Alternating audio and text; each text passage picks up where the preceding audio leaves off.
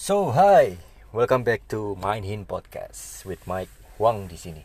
So hari ini saya mau sharing-sharing uh, tentang beberapa pro con ya, pro dan kontra yang biasanya orang-orang kalau zaman dahulu sering bilang jangan deh jangan. Karena teman itu kadang uh, bisa membunuh gitu ya, kadang saudara aja uh, bisa makan saudara sendiri dan sebagainya kita kadang bisa dapetin banyak hal dari sebuah kejadian.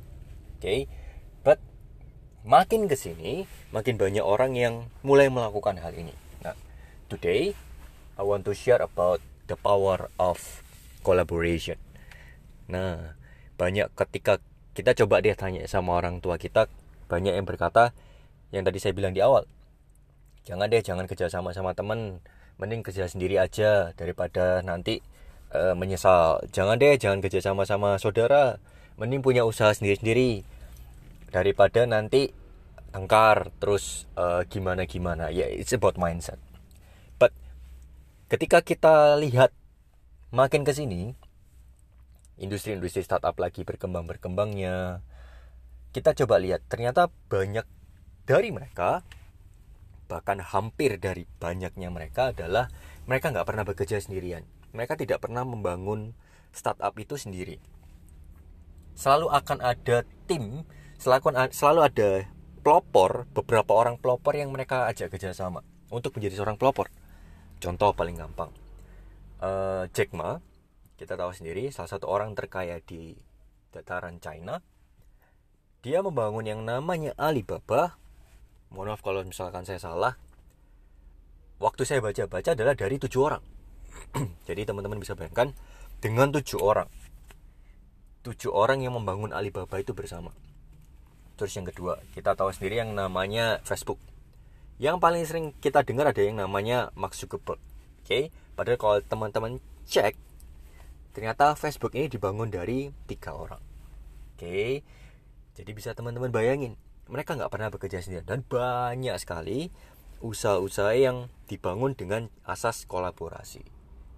Pak uh, so Mike ada ndak yang kerja sendirian dan bisa sukses? Ada. Nggak nggak sedikit pula. Tapi kita coba cek deh seberapa banyak mereka-mereka yang bisa membangunnya secara kolaboratif. Kalau saya ini prinsip saya ya. Uh, anda nggak harus ngikutin prinsip saya but selama kalau misalkan anda bisa kerjasama why not? Karena manusia pada dasarnya adalah makhluk sosial. So kenapa tidak membangun bisnis pun kita bisa kerjasama. Banyak yang sekarang kita cek di luar sana selalu yang namanya kerjasama. Ada yang namanya affiliate lah ada yang namanya dropshipping lah ada yang namanya reseller lah dan sebagainya. Betul ya? Nah saya ada sebuah kisah menarik dari yang namanya collaboration ini. Oke salah satu minuman kemasan dari Indonesia uh, dari uh, eh, PT Ultra Jaya kita tahu sendiri ada yang namanya yang terkenal kan dari Ultra Jaya adalah eh, produk-produk uh, dari susunya. Nah, salah satu produk minuman yang uh, dari Ultra Jaya yang di luar susu dalam kotak dalam kemasan yang penjualannya juga oke itu adalah yang namanya buah vita. Oke, teman-teman cek buah vita di kemasan tetra packnya uh, kemasan karton itu di sisi kiri atau kanan itu selalu atau bahkan depan dulu ya kemasan yang dulu itu selalu ada yang namanya terpampang uh, logo UJ di dalamnya. Oke, di bagian atas biasanya. Nah, but kalau teman-teman cek sekarang, teman-teman coba deh datang ke suatu minimarket atau apa, lambang itu sudah hilang. Lambang itu sudah tergantikan kalau kita bilang. Adanya bukan di depan, bukan di belakang tapi di samping. Oke, dan itu lambangnya sudah bukan lagi yang namanya UC but ada yang namanya U which is itu adalah uh, Unilever. Nah menarik. Perusahaan yang notabene adalah kompetitor tapi mampu berkolaborasi. Pola pikirnya kayak gimana? Karena kalau teman-teman tahu sejarahnya Unilever ini pernah mengalami yang namanya satu kerugian dari bidang makanannya.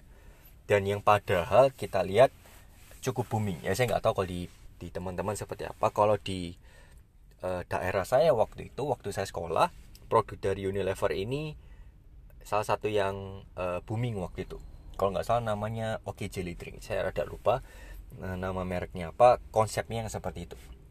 Jadi yang kayak agar-agar gitu lah ya yang di untuk menahan lapar atau apa.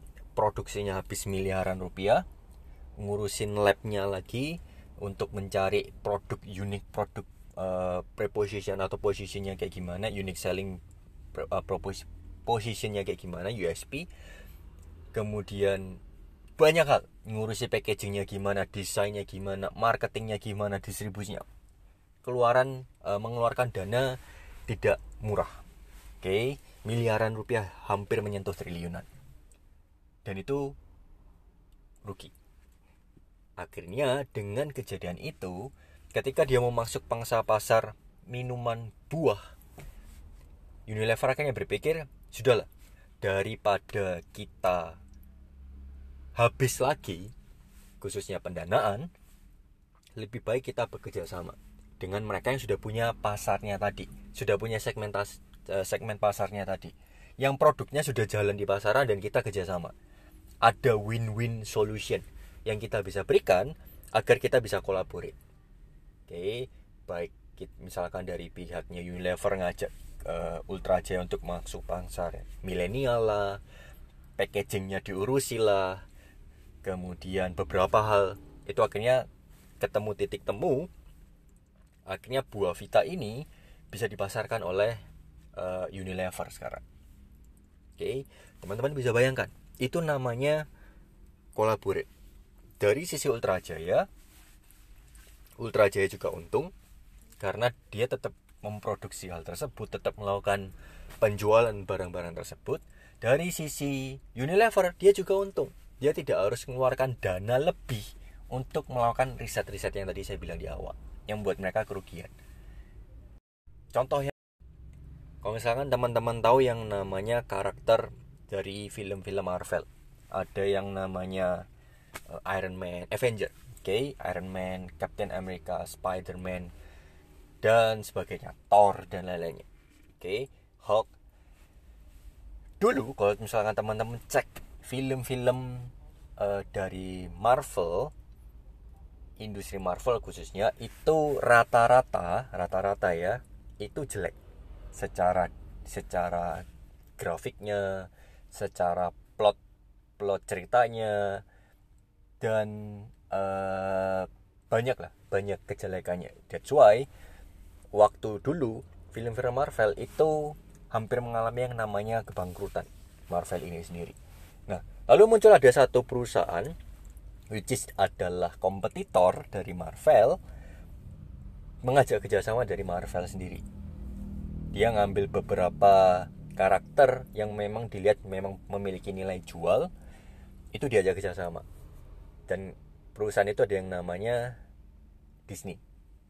Oke, kita tahu Disney besarnya seperti apa perusahaannya, tapi masih mau mengambil Eh, karakter-karakter dari Marvel karena dia tahu ini sebenarnya masih bisa punya peluang punya chance untuk bisa besar dan akhirnya sekarang karakter-karakter Marvel yang sudah bertanda tangan kontrak dengan Disney itu juga akan muncul atau juga sudah lah ya sudah muncul di Disney World juga mainan-mainannya juga dijual di sana semuanya dijual ada di Disney World pihaknya Marvel mengalami yang namanya keuntungan sudah pasti. Mereka mendapatkan kucuran dana baru.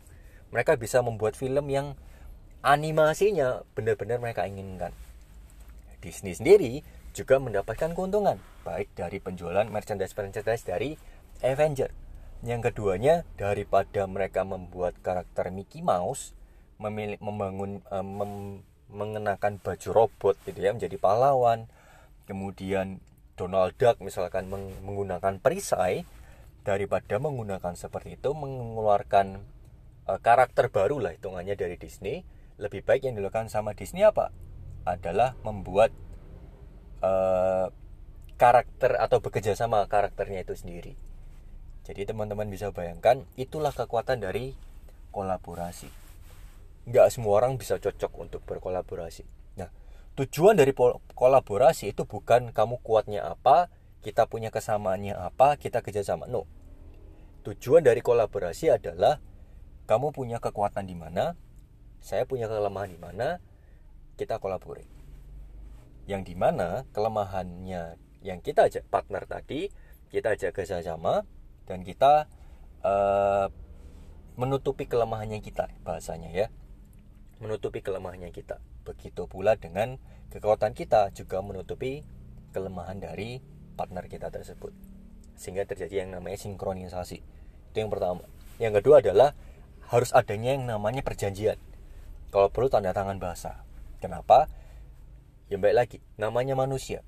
Kadang bisa lupa. Oke kadang ada titik hilafnya sendiri tapi dengan yang namanya perjanjian itu untuk mengingat. Bukannya sekedar mengikat.